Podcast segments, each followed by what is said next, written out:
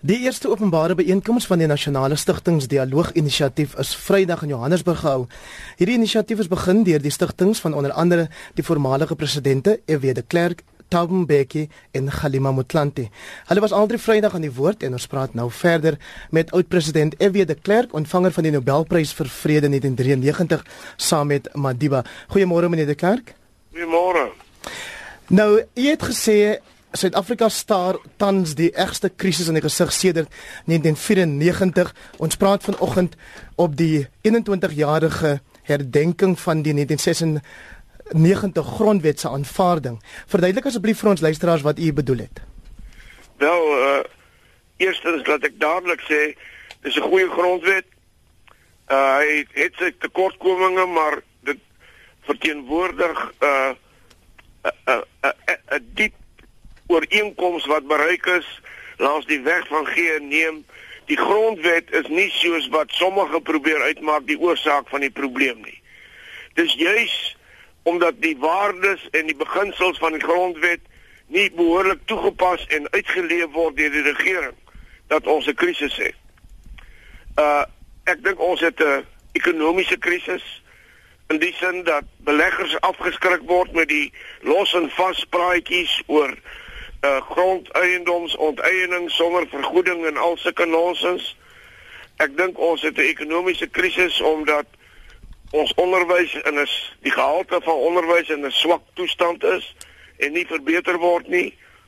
Ek dink ons het 'n ekonomiese krisis omdat uh president Zuma uh, los en vas met die finansie portefeulje gespeel het en wêreldwye vertroue in Suid-Afrika se ekonomie geskend het.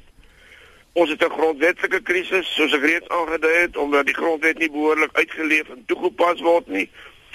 En ons het 'n sosiale krisis. Die sosiale krisis uh, uh gaan rondom die groot gaping tussen 60% van die bevolking en 40% van die bevolking, die onderste 40% ekonomies gesproke onder uh, uh, het 'n geweldige gaping tussen hulle en die boonste 60%.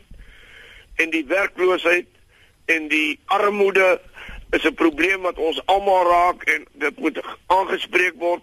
Mense moet 'n beter lewe kry. Daai persentasie van 40% moet dramaties afgebring word binne die kortste moontlike tyd. En die regering faal ook daarin om dit te doen. Die regering so, ons het 'n krisis. Meneer de Klerk, die regering hou radikale ekonomiese transformasie voor as 'n oplossing vir baie van die probleme wat u uitlig. U het Vrydag gesê u stem saam met president Zuma oor die nodigheid van radikale ekonomiese transformasie, maar nie op die wyse waarna professor Chris Malikane adviseer van die nuwe minister van finansies ons wil laat afstuur nie. Nee, absoluut ook nie op die wyse wat ek bedoel ook nie daarmee wat president Zuma daarmee bedoel nie ek het dit tong in die kies gesê want net daarna het ek gesê hoe moet die radikale transformasie lyk? En bo aan my lysie van wat radikale transformasie is, dan moet radikaal opgetree word teen korrupsie. Daar moet radikaal opgetree word om beleggers vertroue te vestig. Daar moet radikaal opgetree word om juis dit wat die regering verkeerd doen te verander maar radikaal ja, radikaal in die sin dit moet moet erns aangepas aangepak word. Dit moet dringend gedoen word. Dit is wat ek bedoel met radikaal en wat ek bedoel met radikaal is die teenoorgestelde van wat Zuma besig is om te doen. Een van die vennote in hierdie nasionale dialoog inisiatief, Vusi Gomedi wat die direkteur is van die Thabo Mbeki African Leadership Institute sê een van die mees komplekse take wat die effek van apartheid en kolonialisme kan uitwis, is die herstrukturering van die Suid-Afrikaanse ekonomie om die herverdeling van welvaart, inkomste en hulpbronne te verseker. U reaksie daarop? Ja, ek het ook so 'n vraag gekry tydens die konferensie. Uh en die die kort antwoord daarop is ja, daar is herverdeling nodig, maar nie van die koek bestaande koek soos hy is nie. Dit help nie om die kleiner koek soos hy nou is op te sny en almal arm te maak nie. Uh die gans wat die goue eiers lê, moenie geslag word nie. Die koek moet groter gebak word en dan moet gekyk word soos die ekonomie groei En as ons daarin slaag om weer die 5% te kry wat ons in meneer Tabo Mbeki se tyd gehad het, is wat doen jy met daardie nuwe welvaart wat geskep word? Hoe sorg jy dat dit die lewenskwaliteit van die mense wat swaar kry verbeter? Dit is die wyse waarop daar herverdeling moet plaasvind, nie deur weg te gryp van die wat hard gewerk het vir wat hulle het en dit sommer net weg te gee nie. Dit was opvallend dat die uiteenlopende groep verteenwoordigers van organisasies ook onder meer organisasies uit Afrikaner geleedere soos AfriForum Solidariteit en die Afrikaner Bond ingesluit het. Was dit doelbewus so? Wel, hulle is nie deel van die stigtings wat uh, die beweging begin het nie, maar almal is welkom. En as ons praat van 'n dialoog, praat ons nie van 'n dialoog tussen die stigtings nie. Ons praat van die wyds moontlike dialoog wat so inklusief as moontlik is. So ja, uh van uh, van ver links is tot tot regs is tot die in die middel almal moet deelneem aan hierdie dialoog. Die doel van die nasionale dialoog wat ons wil bevorder is juis om 'n breë konsensus te bou oor wat moet gedoen word om Suid-Afrika terug op die regte pad te kry. Wat moet gedoen word om groei, sterk ekonomiese groei te bewerkstellig? Wat moet gedoen word om rasisme te beveg en om die stereotype sering van van van mense of dit nou wit of swart is te laat eindig. Uh so so inklusief as moontlik en daarom is daar plek vir almal om deel te neem daaraan. Meneer de Klerk, u het toe nou ook Vrydag onder skoot gekom van die EFF oor die dood van apartheid slagoffers en u werklike of veronderstelde rol daarin. Hoe reageer u op die kritiek?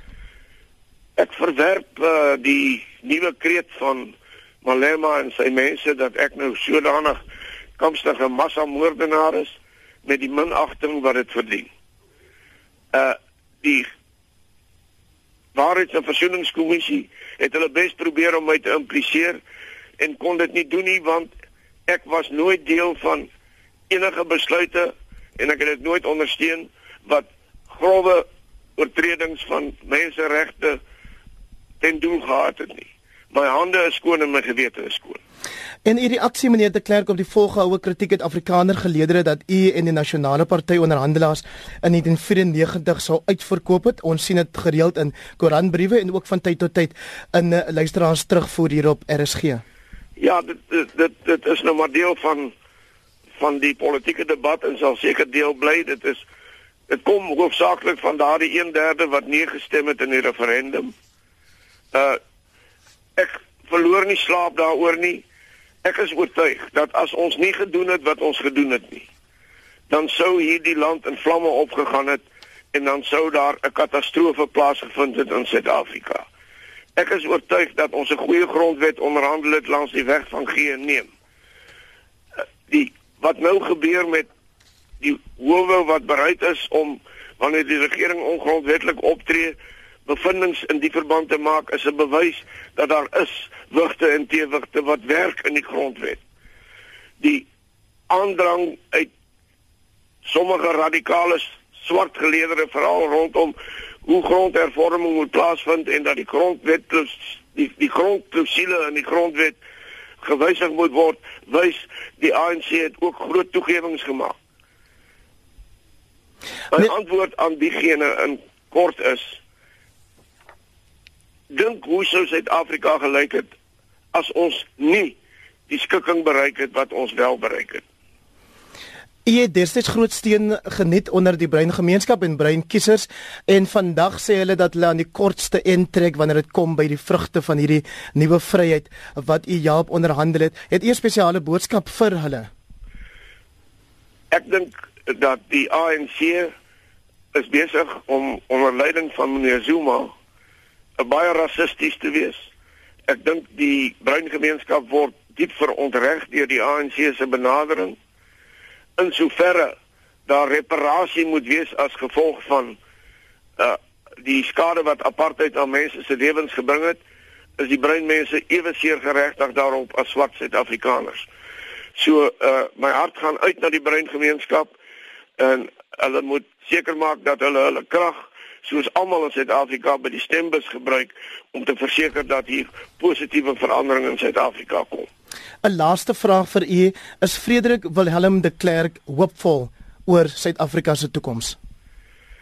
Ek is bekommerd, maar ek is nie moedeloos nie.